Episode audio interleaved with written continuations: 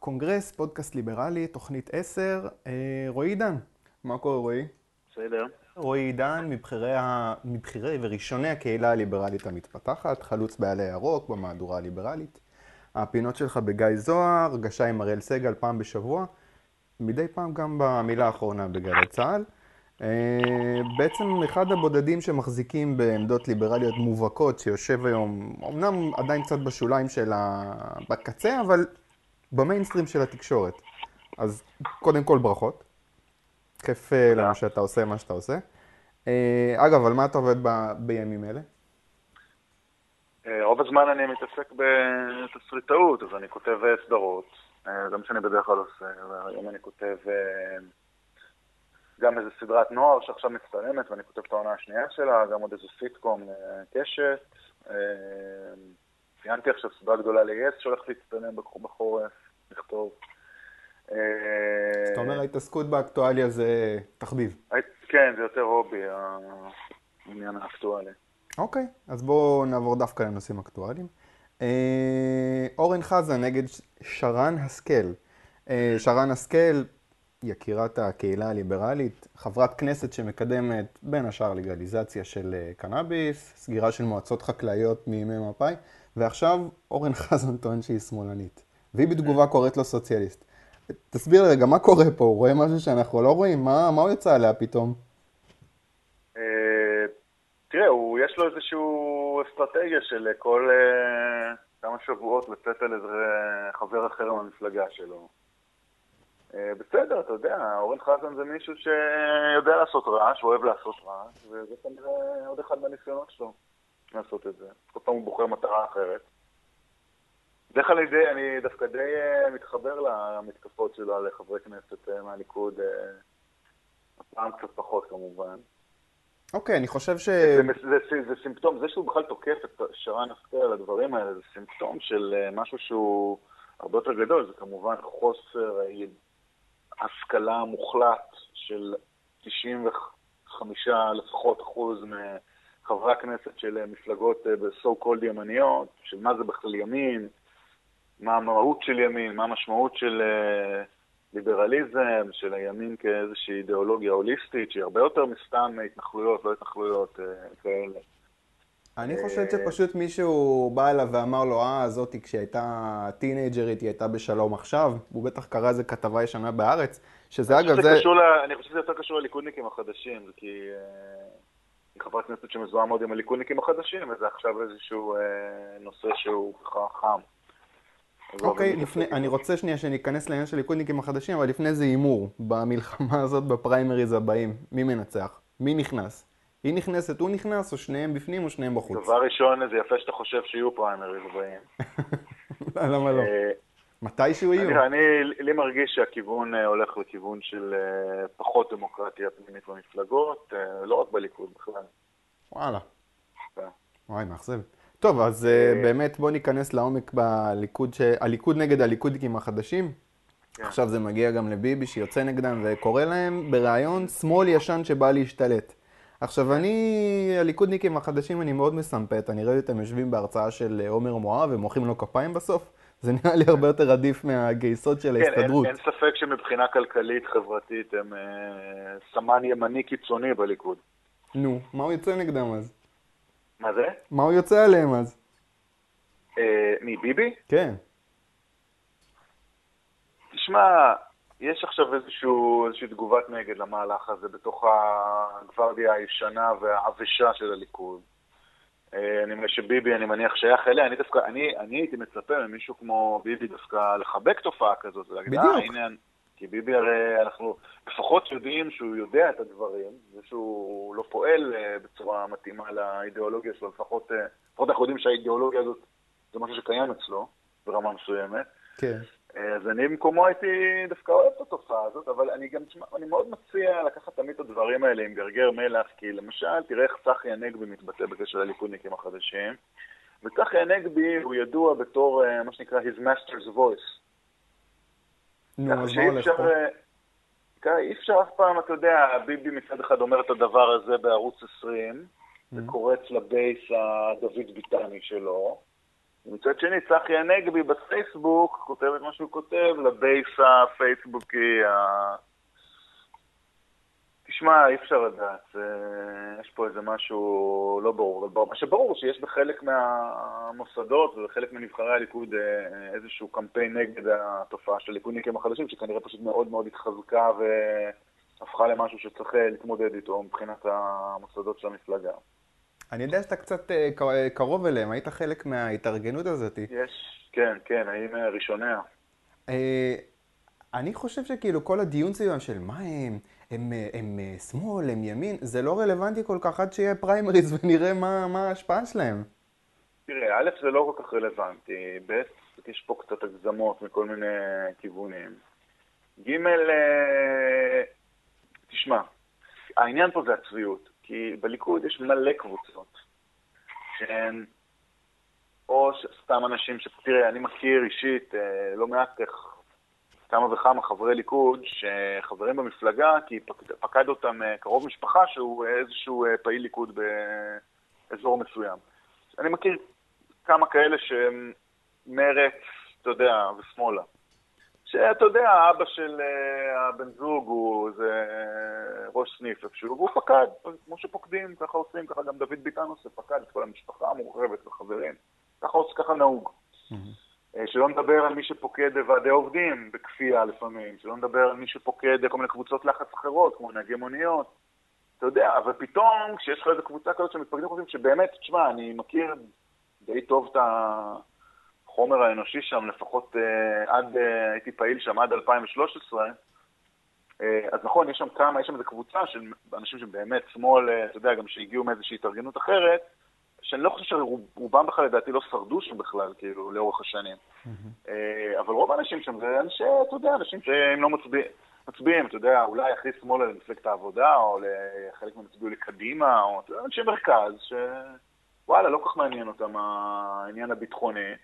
אני חלוק איתם בדברים אחרים, שגם, זו אחת הסיבות שגם קצת הפסקתי להיות פעיל שם, וגם מסיבות אה, לחלוטין אה, אובייקטיביות, אבל גם היה לי שם איזה מחלוקת.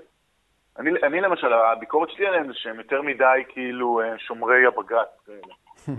אוקיי. אה, בסדר, אתה יודע, אבל אה, לגיטימי. טוב, אם יביאו קצת... אני חושב, שהם, אני חושב שמי ש, שמזדהה עם חוקת הליכוד, שבאמת חוקת הליכוד זו חוקה שדי קל להזדהות איתה, אם אתה בן אדם ציוני אה, בסיסי, ברמה בסיסית, אין בעיה להזדהות עם חוקת הליכוד, מי שמזדהה עם חוקת הליכוד, אה, לדעתי יכול להתפקד, כל הוועדות קבלה, כל הדברים הטיפשיים האלה שמדברים עליהם עכשיו כמובן גם לא יקרו, גם אין דרך לעשות אותם, גם חוקתית, מבחינת החוקים של הליכוד הם לא יכולים לקרות. הכל חרטא. כמובן, יש פקוד לשתי מפלגות, זה, זה לא רק אסור, זה, זה גם מבחינת הליכוד, זה גם עבירה פלילית, אז זה כמובן אה, אנשים שלא בסדר. זהו.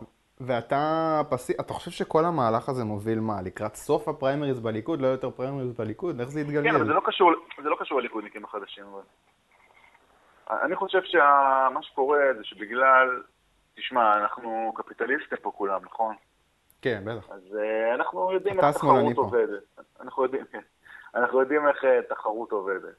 וכרגע האתגר הגדול של המפלגות הדמוקרטיות הגדולות, אני לא מדבר כרגע על הבית היהודי, זה כאילו, זאת אומרת, יש מבחינת מספר מתפקדים, יש הרבה מאוד מתפקדים, אבל בוא נגיד שהיא לא ממש נלחמת על השלטון, אבל בוא נגיד העבודה והליכוד, זה כאילו שתי המפלגות הדמוקרטיות, המפלגות של השלטון במרכאות, mm-hmm. הפוטנציאליות. אה, יש להם תחרות מכיוון אה, שנקרא יאיר לפיד, ובתחרות הזאת, אה, הדמוקרטיה הפנימית שלהן היא לא נכס, היא נטל, כרגע, לדעתי. היא מייצרת רשימות שבמקרים רבים הן רשימות, נגיד בליכוד במיוחד, רשימה שהיא מאוד לא אטרקטיבית. וגם בעבודה, כי היא מייצרת גם רשימה שבעבודה היא כאילו אטרקטיבית אולי כאילו במרכז תל אביב, אתה יודע, ל-13 מנדטים שראיתי שיש עכשיו בסקר למפלגה הזאת, אבל היא לא באמת אטרקטיבית לציבור הרחב, ואותו דבר בליכוד. גם בליכוד זו רשימה מאוד לא אטרקטיבית לציבור הרחב, אם לא היה שם את ביבי בראש, זו המפלגה שלא הייתה מקבלת מנדטים. וזה דבר דומה למה שקרה למפא"י ב-77. אוקיי, אבל... טוב, בוא, בוא, נקפוץ, בוא נקפוץ נושא כדי שנספיק עוד כמה דברים. אה, אני מבין את הכיוון של הפסימיות. אה, נושא שהוא ה baby שלך, ביטוח לאומי. מודיע שב-2045, 28 שנה מהיום, בדיוק לא, נראה לי כמה שנים לפני שנצא לפנסיה, אה, ייגמר הכסף. אני זה בדיוק השנה שאני אמור לצאת. אז המוסד פשוט משלם יותר מדי קצבאות. ההמלצה שלהם היא להגדיל את ההכנסות של ביטוח לאומי כדי לסגור את הפער הזה, זאת אומרת שנשלם יותר ביטוח לאומי. אתה בעד? אה, תראה, אני חושב שצריך לבטל את המוסד לביטוח לאומי, לסגור אותו לאלתר, אה, כי זה בלוף, זה מה ההבדל בין זה לבין מס הכנסה. הכסף גם ככה, כבר היום, רוב הכסף שמגיע בעצם מתקציב המדינה, שם יש כמה ענפים בביטוח הלאומי שמחזיקים את כל המוסד אה, בחיים בזכות כסף שמגיע מהמדינה. וכבר עכשיו הוא בגירעון של אה, כל שנה של מיליארדים, אני לא זוכר כמה. אה, זאת אומרת, ההכנסות שלו ממילא לא, בכלל לא קשורות למציאות. אה, אתה יודע, זה קל לשנוא- זה קל לשנוא את המוסד הזה, אבל בסופו של דבר זה לא משלם פה, רק- זה זה לא רק קצבאות ל- ל- ל- לאנשים עם 200 ילדים, זה גם קצבאות לנכים, זה- הם עושים דברים ש... בוודאי, אבל אין סיבה שזה יהיה במנגנון נפרד, אז בואו ניקח את ה...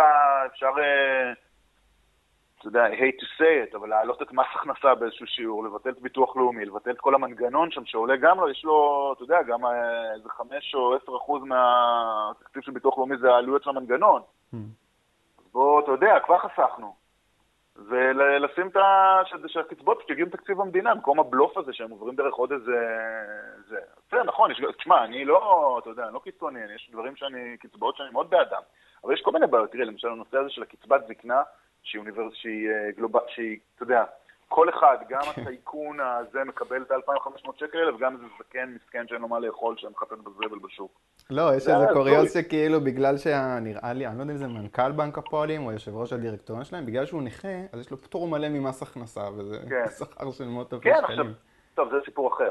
אבל עזוב, תשמע, אני לא יודע, אבא שלי בן אדם שאתה יודע, יש לו, גם מקבל פנסיה תקציבית, גם אה, יש לו סטארט-אפים וזה, ועובד, וטפו טפו, שימשיך, כן, אבל אה, אתה יודע, בשביל מה הוא מקבל את הקצבת זקנה הזאת? מה, עוז- מה עוזרים לו עוד 2,500 שקל לחודש? שיש מישהו אחר במדינה, שאני בטוח ש-2,500 שקל לחודש היו יכולים לעזור לו הרבה יותר. וגם אתה, אני, הבעיה העיקרית פה, שזה כל כך מעט מהאחוז כל כך קטן וספציפי מהאוכלוסייה משלם מיסים ישירים, שהביטוח הלאומי אחד מהם, שזאת בעיה מאוד רצינית. אגב, כמה, אה. בתור עצמאי אתה משלם יותר אה, ביטוח לאומי? אבל אני משלם כמה זה יוצא? כמות הד... אה, תראה, ביטוח לאומי זה נדמה לי 17 אחוז, אני לא זוכר אם זה עם המס בריאות או בלי מהכנסה. 17 אחוז מההכנסה שלך. מהכנסה כש- ברוטו, לפני הכל. כן, וואו. כן, כן, כשזה עד 5,000 שקל לחודש. זאת אומרת, אם אתה מרוויח 5,000 שקל, אם אתה... אני חושב שאתה יכול לשלם עד 5,000 שקל לחודש, או נגיד 50,000 לשנה או משהו כזה, ואז זה כאילו נשאר בסכום הזה, זאת אומרת, גם הטייקון הכי גדול בארץ משלם את ה-5,000 שקל לחודש האלה. וואו, זאת אומרת, יש איזה גג. אתה עצמאי, ככל שאתה מרוויח פחות, אתה משלם יותר לביטוח לאומי, מבחינת האחוז. אה, ברמות המאוד מאוד גבוהות של זה, כן. ויש כמה מדרגות של ביטוח לאומי, אתה משלם 17% כשאתה מרוויח ככה, ויש אה, מי שמשלם 12%, ויש מי שמשלם... אה, זה אולי מגיע ל-20... אני לא זוכר בדיוק את החלוקה של המדרגות שם, אבל יש שם איזה מדרגות אה, כאילו פרוגרסיביות, עד איזשהו רף מסוים של סכום, ומהסכום הזה זה כאילו, אה, זה הסכום, זה סכום הגג. אוקיי, אני רוצה רגע להישאר בעוד אה, עוד נושא שדיברת עליו בפינות אצל גיא זוהר, וזה הפנסיות התקציביות. והשבוע החשב הכללי הוציא איזשהו דוח, והוא חושף שם מספר יפה. העלות של הפנסיות התקציביות האלה כרגע זה עומד על 747 מיליארד שקלים. זה לא כולל אגב פנסיות גישור בצבא, וזה סכום שמתקרב לתקציב שנתי של הממשלה. מתוך זה רק 302, 302 זה רק. מערכת הביטחון. זה יותר מתקציב שנתי של הממשלה. אני חושב שתקציב השנתי זה משהו באזור 900 מיליארד. אה? באמת? טוב, לא משנה. סכום, אה, סכום גדול מאוד. אה, אז מדובר באנשי צבא, בעובדי הוראה, שוטרים, סוהרים, עובדי ממשלה. זה מספר עצום. יש מה לעשות? זאת אומרת, זה התחייבויות של המדינה. אפשר אולי לעשות איזה תספורת, או שזה התחייבות, ואתה לא יכול לעשות... מה אתה חושב עושים עם עם זה? הפנסיה שלנו, המדינה מתעסקת, עם הפנסיה שלנו, מי שאין לו פנסיה תקציבית, המדינה מתעסקת אה, בלי חשבון, אתה יודע, כל פעם שמעלה... תראה, מה זה הפנסיות של אנשים שאין להם פנסיה תקציבית? פנסיות של אנשים שאין להם פנסיה תקציבית זה כמו קרנות הפנסיה, הפנסיה הפרטיות, שאגב, מבחינה אקטוארית נמצאים, הן גם הולכות לקרוס אם זה ימשיך כמו שזה היה. זאת אומרת, זה לא רק שביטוח לאומי הולך לקרוס, גם הפנסיות הפרטיות, אם לא יעלו את גיל הפרישה, או יעשו משהו, גם הן הולכות, גם הן בגירעון אקטוארי, כמעט כולן. אה, זאת אומרת, זה פחות או יותר הכל קורה באותם שנים, יחד עם הגעה לשיא הפנסיות התקציביות או משהו כזה. מה, אתה, אתה, זה כל פעם, זה כל פעם, זה לא מפסיק כן. כאילו לעצבן אותי, שכאילו אתה משלם כל כך הרבה כסף כל חודש, שידאגו לך כשתהיה זקן, ובסוף זה לא דואגים לך. אתה משלם כל כך הרבה כסף כל חודש, עכשיו אתה אומר, אוקיי, אז אני לא סומך על הפנסיה, ואני לא סומך על זה, אז מה אני אעשה? אז אני אנסה לחסוך את הכסף שלי בצורה אחרת, כדי שיהיה לי אותו כשאני אהיה זקן, אני אקנה כן. דירה, או אני אקנה, אני אשקיע בשוק ההון. אז עם זה הממשלה מתעסקת לך כל הזמן, וכמעט תמיד לרעתך. ממסה, מעלה את המס על רווחי הון, מעלה את... עכשיו, עם הפנסיות התקציביות אף אחד לא מתעסק. אני חושב שאם המדינה צריכה מקורות תקציביים, צריכה זה... אז פנסיה תקציבית, תראה, זה, אתה לא יכול עכשיו לבוא לאנשים להגיד להם, טוב, אה, לא באמת התכוונתי, אבל אתה יכול לשים נגיד מס בלו על פנסיה תקציבית, למסות אותה. מה שיש מס בלו על כל מיני, זה למה יש מס בלו על דלק, לא יודע. אתה יכול להחליט, אוקיי, הנה מקור תקציבי, בוא נמסה את ה... שנזכיר שפנסיה תקציבית גם אומרת שהאנשים האלה, שבצבא זה מגיל 45, אבל... אז אנשים לא הפרישו, לא, הם לא הפרישו לפנסיה, כמו שאנחנו, אתה יודע. כן, כן. לא, הם לא הפרישו לפנסיה. Mm. אה, הזכויות שלהם במקרים רבים הן הרבה יותר גדולות מהזכויות של פנסיונרים אה, במגזר הפרטי מבחינת כמה מהשכר שלהם אחר כך מקבלים בפנסיה.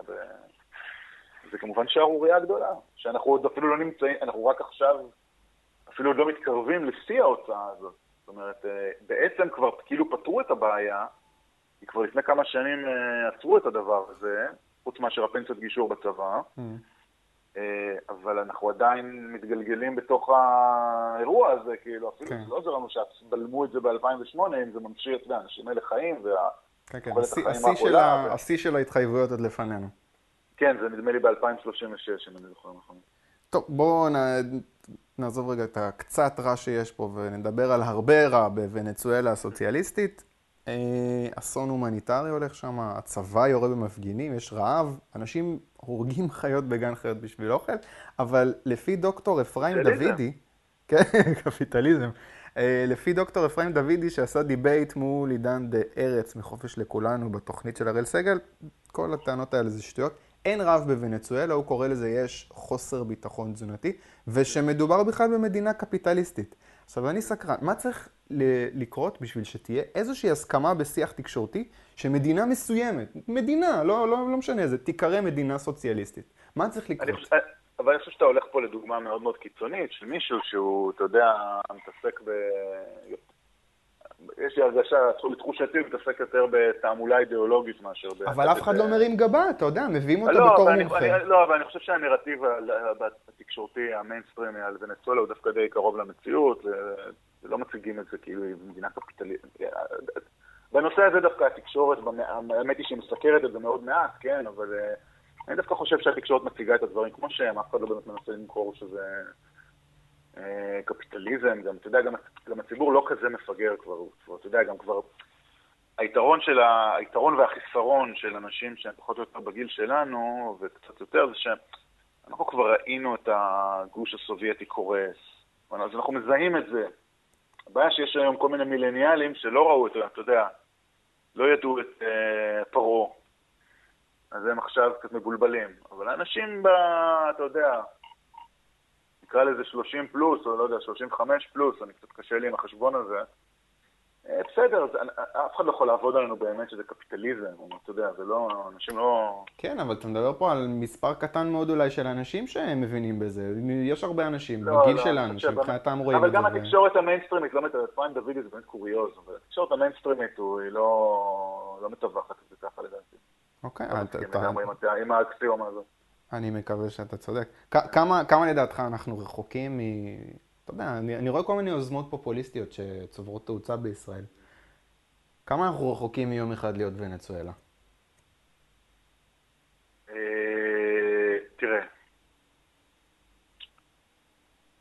זה יכול לקרות. לא חסר פה פופוליזם. אה, תראה, המחלה היא, אתה יודע, אנחנו נשאים של הנגיף, אין ספק. אפילו סובלים מסימפטומים קצת, לא, לא מעטים.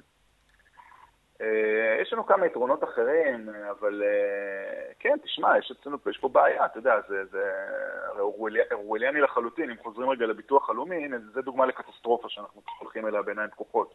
ביטוח הלאומי, ואני מזכיר, גם הפנסיות הפרטיות, גם כל הסיפור הזה. ויש לנו כאילו חברי כנסת שהם כאילו החברתיים, שמצליחים לא להעלות, אתה יודע, יש להם איזה הישג פרלמנטרי, לא, הם סיכלו את העלאת גיל הפרישה לנשים.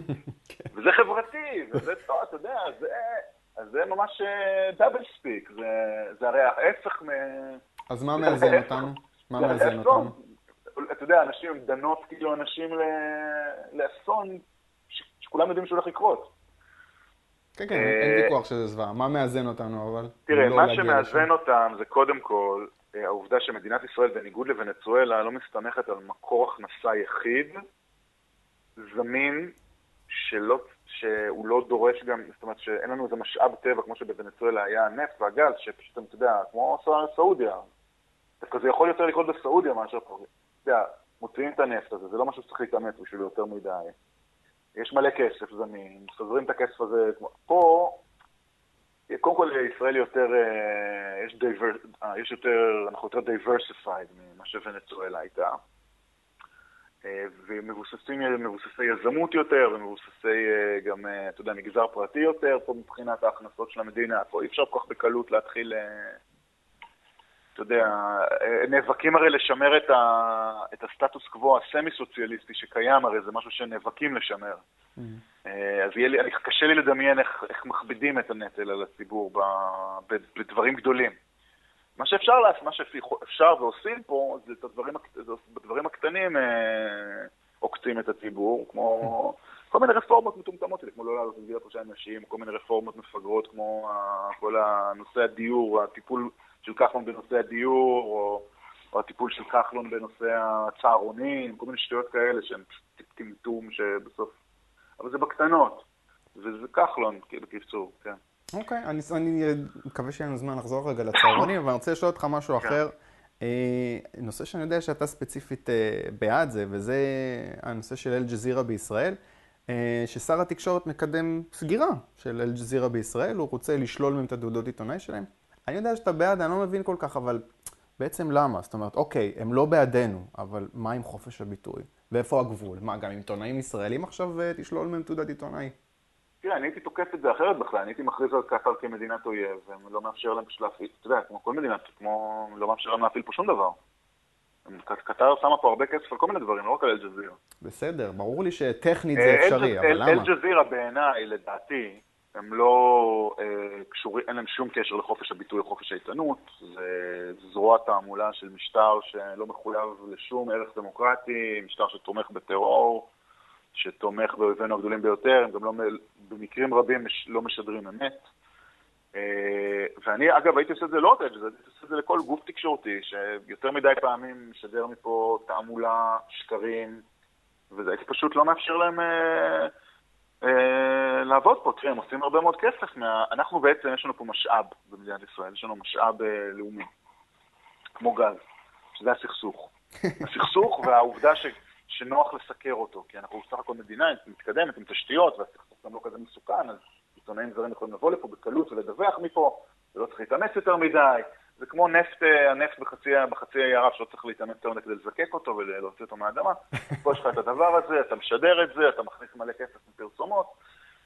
עכשיו, אנחנו חייבים איכשהו לדאוג לפחות שזה לא ישמש כנשק כנגדנו. עכשיו, ההסתה האנטי-ישראלית והאנטישמית גם אה, של גופים כמו אל-ג'זירה, זה משהו שהופך אחר כך לרצח. זה כאילו, שאיזה בחור אה, ערבי הולך ודוקר אה, אזרחים ברחוב, הנשק והסכין זה רק קצה, כאילו, זה הגיע עוד הרבה קודם. ואני חושב שלא, לא, אסור לאפשר אה, הסתה כזאת. בסדר, אבל איפה, מבחינת... איפה, זה, איפה זה עוצר? אני יכול, את הקריטריונים שאתה מציג עכשיו, אני יכול כן. גם להגיד, זה תקף לגבי פייסבוק, אולי לגבי עיתון הארץ גם. תראה, פייסבוק, תשמע, פייסבוק זה בעיה. וההתנהל, וההתנהלות של פייסבוק היא בעייתית מאוד, כי אני לא אומר לך, טוב, אתה פותח פלטפורמה, אתה נותן לכולם להגיד מה שהם רוצים, סבבה. נגיד כמו טוויטר, טוויטר באמת הגבולות הם מאוד, אה, זה אין בעיה. אבל פייסבוק עושה משהו אחר, פייסבוק כן פועל נגד חופש הביטוי, אבל נגד אלמנטים מאוד מסוימים, ולגמרי מתעלם מאלמנטים אחרים הרבה יותר uh, קיצוניים, הרבה יותר מסוכנים, שגם כאילו יש בסוף עובדות בשטח שהן גם, uh, אתה יודע, המידע שהם, חופש הביטוי שלהם גם מוביל לאלימות בסוף. אוקיי, אה, אין לך איזה משהו חד, אתה לא אומר לסגור את פייסבוק עכשיו. אתה אומר זה בעיה, אבל לא... לא, לא אבל אני, אני, תשמע, אם אני הייתי רשויות מדינת ישראל, אני הייתי פועל, פועל נגד פייסבוק בצורה הרבה יותר אה, חריפה. פייסבוק, פייסבוק זה הרבה יותר בעיה מאלג'זירה בעיניי, אלג'זירה זה חפיף. אוקיי, טוב, אני רוצה לקפוץ. פייסבוק זה ממש הפלטפורמה מספר אחד להפצת אה, אידיאולוגיות קיצוניות ואלימות כיום לדעתי. אוקיי, אני רוצה לקפוץ רגע לעוד נושא. אה, תחילת שנת הלימודים בש... ביום שישי, יום שישי, שבוע הבא. וניר גונטאז', יש לו במוסף הארץ מדור כזה שהוא מתקשר לאנשים ומתמלל את השיחה אחד לאחד. אחלה רעיון. אז הוא תפס את דוקטור שרה קלצ'קו, שהיא דוקטור לביוכימיה, והיא גם כתבה את הספר מסע מדע א'. אה, והם מלמדים שם על חקלאות, ספר מדע, והציטוט הוא מה עושה החקלאי בסתיו, חורש את השדה, זורע זרעים, ובסוף חג סוכות מתפלל לגשם ומבקש טל ומטר לברכה על פני האדמה. עכשיו עזוב אם יש מג... שינוי מגמה בשנים האחרונות, אני לא, זה, זה לא קשור אה, לבנט בכלל בעיניי. אה, הפתרון הליברלי הוא שיטת ואוצ'רים, אתה בעד? וזה יפתור את זה? זאת אומרת, הביקורת על שיטת ואוצ'רים זה שכאילו, אוקיי, בסדר, אבל זה, זה מחקרים מראים שזה פוגע בהישגים של התלמידים. איך מתמודדים עם טיעון כזה?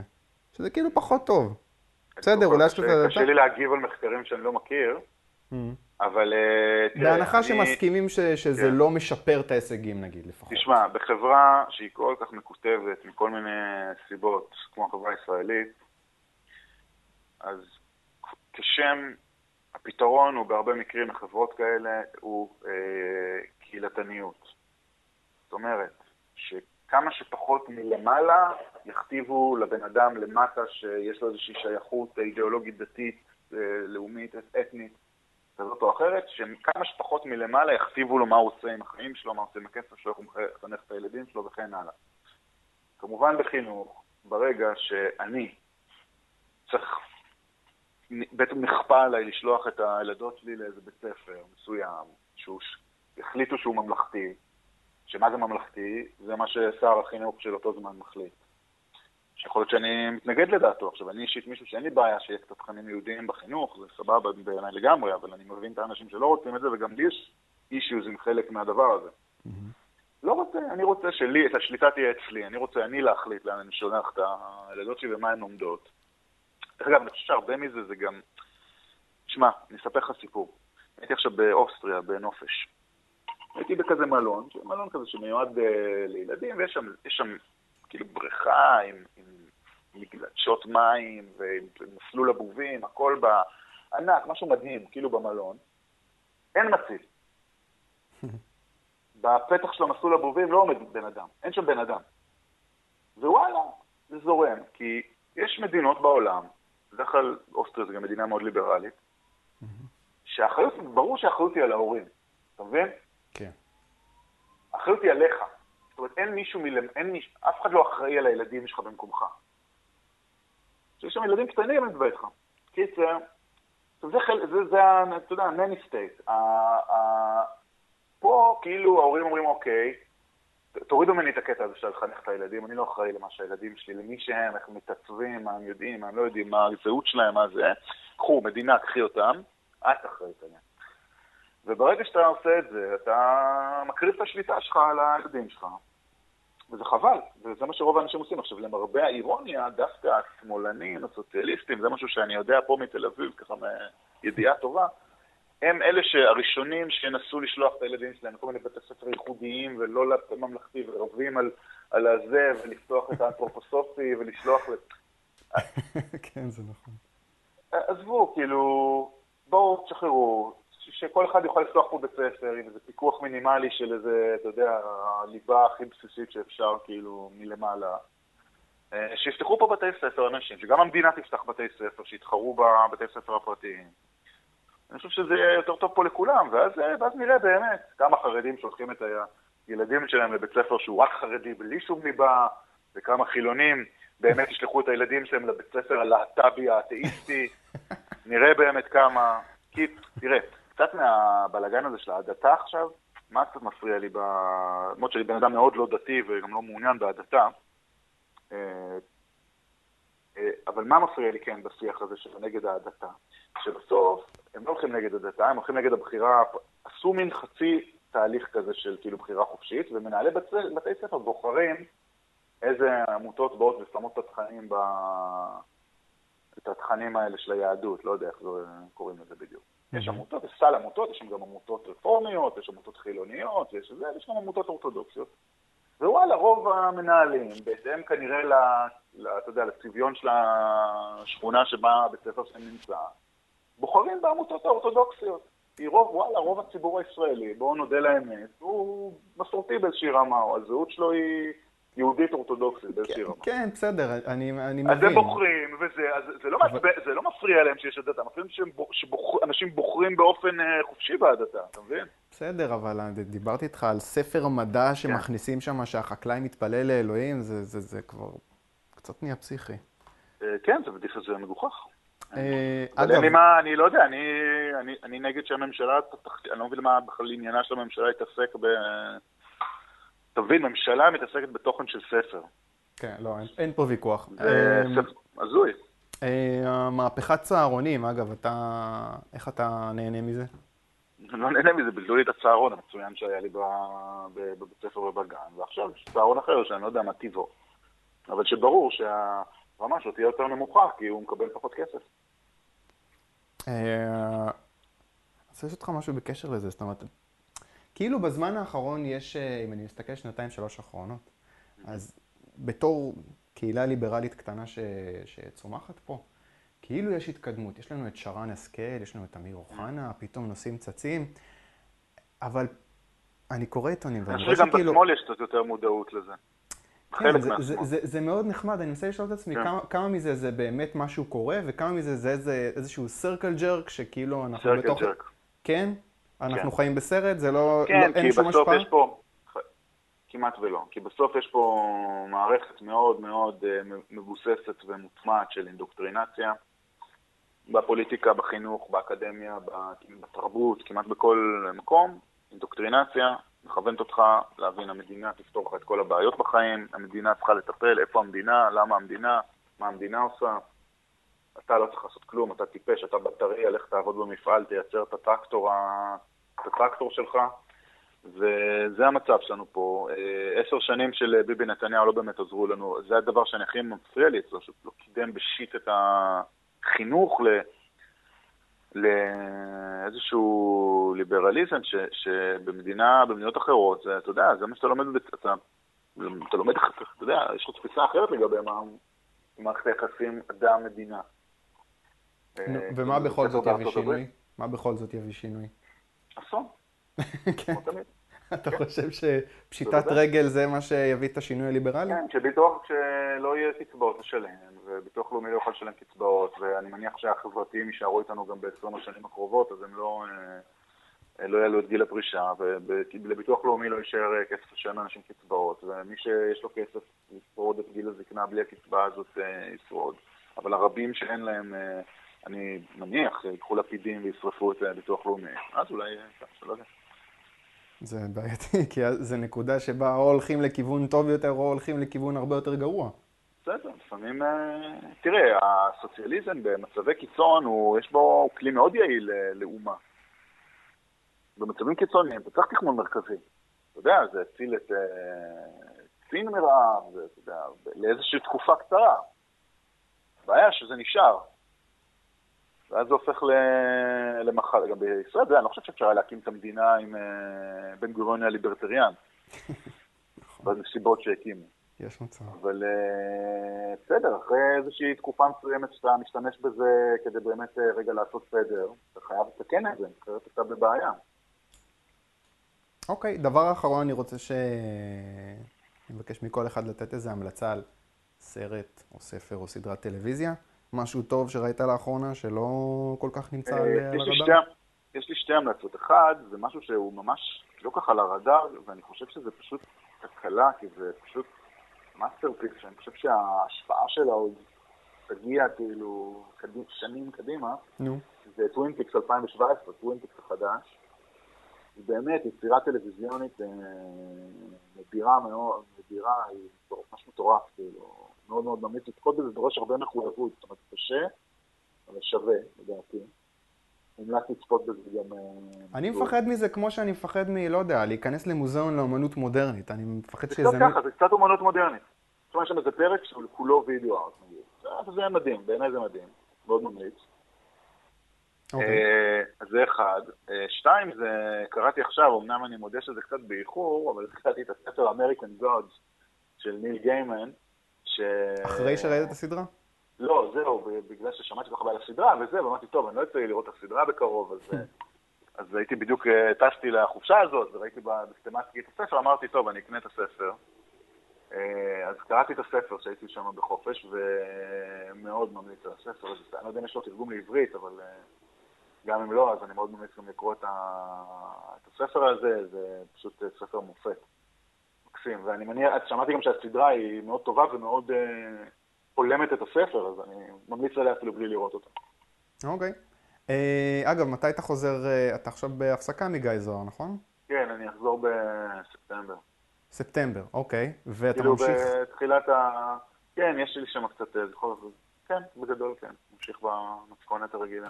וברדיו אתה ממשיך עם אראל סגל? כן, כן, סתם, לקחתי את ספטמבר, את אוגוסט אוף, כי גם הייתי בחו"ל, גם יש לי קצת צילומים, כל מיני עניינים. אז... בגדול זה בימי רביעי או שזה לא קבוע? אראל? כן.